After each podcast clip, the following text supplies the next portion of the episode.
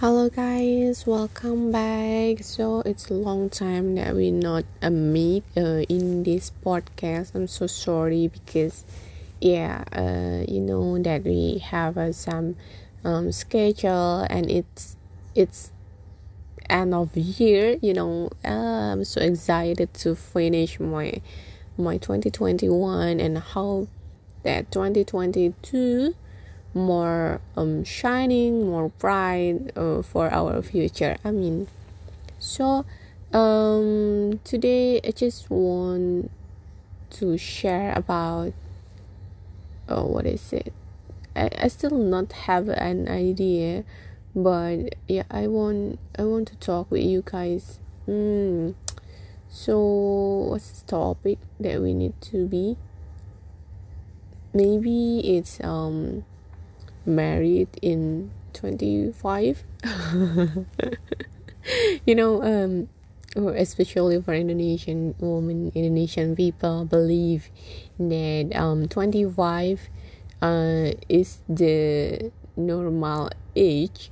And maybe it's the standard that we must to must to uh, married with um our our future future husband or my, our boyfriend right? And i don't know uh, is it is it my uh, culture in japanese people or it's um apa berlaku untuk semua ya semua yang di Indonesia? Kadang kalau misalnya kita um, udah menginjak di usia 25 tahun tuh ya dibilangnya tuh udah udah mainnya udah ngejar karirnya udah um, apa udah saatnya buat inget harus nikah gitu kan ya. So um definitely I I choose the topic not because um, aku lagi stres karena disuruh nikah atau ini any not because I'm very I'm very grateful because my parents understand uh, what my goals and what my dreams so they not uh, push me uh, to marry uh, in the 25 years old. But maybe from some people that have a culture yang kental gitu ya itu pasti jadi ya big problem sih gitu. So um, mungkin aku tadi tuh ngelihat sebuah postingan yang ngebikin diri aku sendiri ngerasa lebih more grateful again because um, di situ di postingan itu dia sampaikan bahwasanya um, dalam menikah itu tentu nggak mudah ya. Menikah itu nggak gampang apalagi buat cewek gitu. Karena ya yeah, we understand when we love some guy we love some boy uh, we want um, tell to them and also kita pengen nempatin dia as the first the first place the first man sebagai sandaran hati yang paling dalam. So we have the high expectation and yeah when you have high expectation and suddenly your um your husband have affair with other other woman or maybe yeah just like uh, seeing with another woman and any, anything like that it's make uh, kita mau cemburu gitu kan ya. Nah according to the according to the last uh, sentence that I said before is ketika kita udah jadi istri itu ya tentu hati kita harus lebih kuat sih harus lebih tabah dan juga harus bisa uh, menerima gitu ya. Kalau misalkan in case ada ya adalah dalam perjalanan cinta dalam perjalanan rumah tangga. Even though I I, I never aku belum rumah tangga tapi aku kan um, hidup di dalam rumah hidup berdampingan dengan orang yang sudah berumah tangga gitu. Loh jadi ya namanya pernikahan mau itu usianya dini pertengahan um, pasti banyak tantangannya. Mungkin juga di awal-awal ya masih ada lah cowoknya yang mungkin suka uh, adalah um, cewek yang mungkin di dalam hatinya atau atau mungkin nggak cewek di dalam hatinya yang lebih kepada um, apa ya lingkungan kali ya mungkin ya lingkungan yang mungkin bisa membuat hubungan rumah tangga tuh ya sedikit sedikit lebih um gitu lah ya. Um, jadi dari situ sebenarnya esensinya kita, kenapa kita mungkin belum menikah dan yang belum menikah bisa mempersiapkan diri lebih dalam adalah kita harus menyiapkan hati kita terlebih dahulu. Siapin diri kamu, siapin hati kamu dalam situasi hal tersebut. Jangan sampai hanya gara-gara satu hal itu terus kita minta cerai terus habis itu kita um, berantem pulang ke rumah orang tua dan sebagainya because when you um, start to creating your family yeah, your little family with your husband. Yeah, you understand. Gak semuanya itu di apa ya diarahkan ke orang tua. Karena itu udah jadi rumah tangga bahtera kalian sendiri. Kayak gitu. Terus selain dari isu perselingkuhan, um, ada topik menarik juga yang aku dapat dari temen aku yang udah menikah gitu ya. Um, he say that um, tantangan pertama dalam rumah tangga di awal mungkin kalau di usia muda bukan wanita ya.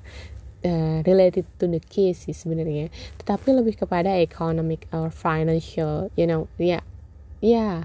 Kalau misalkan orang nikah itu ya pasti kan kita mau dong nyicil rumah baru kita mau dong beli mobil baru kita beli aksesoris perabotan di rumah tangganya kita dan sebagainya gitu ya so um, terkadang nggak semua orang bernasib beruntung kayak dapat warisan dari orang tua atau mungkin emang udah tajir dari orok gitu ya.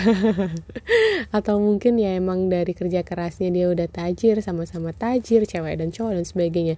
But it's not um, it's not nggak ber, berlaku buat semua orang gitu loh. Jadi jadi ya um, bagi yang pas-pasan ya pastinya harus nyicil kan dan sebagainya. Dan kadang ketika nyicil pun um, financialnya kita tuh nggak sekokoh itu juga gitu kan. Kita juga harus memperirit hal-hal yang lainnya. Even aku pun pernah dapat cerita dari temen aku yang dia baru nikah itu demi nyicil rumah gitu ya demi punya rumah rumah dia sendiri sama suaminya dia itu makan setiap harinya cuman satu kentaki dibagi berdua. Bayangin gak sih? Gila. Maksudnya mungkin um, nanti kalau misalnya kita udah menikah pun juga kita harus siap tentang hal itu ya. Artinya final our final show plan itu tuh sebelum menikah justru malah harus yang dirundingin sama suami kita. Bahkan um, aku kemarin lihat postingannya sahabat Prita atau si Prita Gozi our minty uh, in the final show planning jadi she said that um, apa namanya kenapa menikah itu malah justru jadinya banyak cicilan kayak gitu kan. Dan dia saranin kita untuk mengobrolkan planning financialnya kita itu sama calon suami sebelum pernikahan. Kita buka-buka untuk uang kamu berapa gaji kamu berapa uangku berapa gaji kita berapa. Terus itu kita mau planningnya seperti apa. So itu lebih kepada keterbukaan juga dan um, ada ilmu penting di situ bahwasanya sebenarnya cicilan pun nggak boleh lebih dari um, 30% gaji. Itu kalau misalkan mau balance so buat teman-teman ya boleh dong dihitung-hitung lagi ya. Cicilan rumah cicilan mobil itu biasanya berapa. Gitu. Sebenarnya uh, ilmu yang diambil dari sini kalau misalnya dari sudut pandangnya cewek adalah apalagi cewek yang bekerja ya gitu. Ya kita harus punya pondasi financial yang kuat sih as a perempuan as a woman gitu. Artinya ketika kita menikah pun oke okay, let's say we have uh, cicilan gitu ya. Tapi kita juga punya final financial planning yang bagus dan make sure that you have a um, dana darurat gitu. Dan punya dana duit buat cewek sendiri. Karena ya kita sama-sama tahu cewek itu hatinya lebih lebih ringkih lah ya. Kalau misalnya ada keluarga dia pasti pengen bantu keluarga dan sebagainya. Dan nggak semua lelaki kadang tuh ngerti tentang hal itu kalau dimintain duit untuk dialihin ke keluarga. Jadi biar gimana pun kondisinya ya kita as a cewek nggak boleh cuman ngantungin tangan doang ke suami gitu sih. I believe that is. Um, selain itu adalah sebenarnya uh, the core the core is kedewasaan sih. Jadi mungkin buat teman-teman yang memang belum belum dapet nih jodohnya gitu ya atau mungkin belum kelihatan hilalnya atau memang lagi sedang mempertemu sudah dipertemukan dan sedang merencanakan ke tahap yang lebih lanjut make sure kita kamu udah punya kedewasaan yang cukup dewasa dalam artian ya dewasa dengan menerima apa pun kelebihan dan kekurangan dari uh, suami kamu nantinya. Terus di situ juga tentu harus lebih bisa mendekatkan diri kepada Allah. Artinya tuh gini kalau kita udah jadi istri um, I think that surga kita kan di bawah surga kita udah bukan lagi ini ya. Eh gue mau ngomong apa sih? Astagfirullah. Nggak nggak nggak. Jadi deh nggak usah bahas itu deh um, artinya gini loh kalau misalnya kita udah jadi istri tuh kan kita harus taat dan patuh sama suami. Even kita mau berkunjung ke orang tua kita pun kita harus minta izin. Kalau nggak diizinin tuh ya kita nggak boleh gitu kan. Jadi ya um, kita harus bisa menjadi istri yang lebih solehah. Kalau misalnya kita muslim kalau misalkan non muslim ya menjadi istri yang lebih baik. Dalam artian core secara fundamental di agamanya pun juga harus baik gitu. Karena ketika ada permasalahan jangan sampai we run uh, into other people ke teman kita ataupun yang lainnya.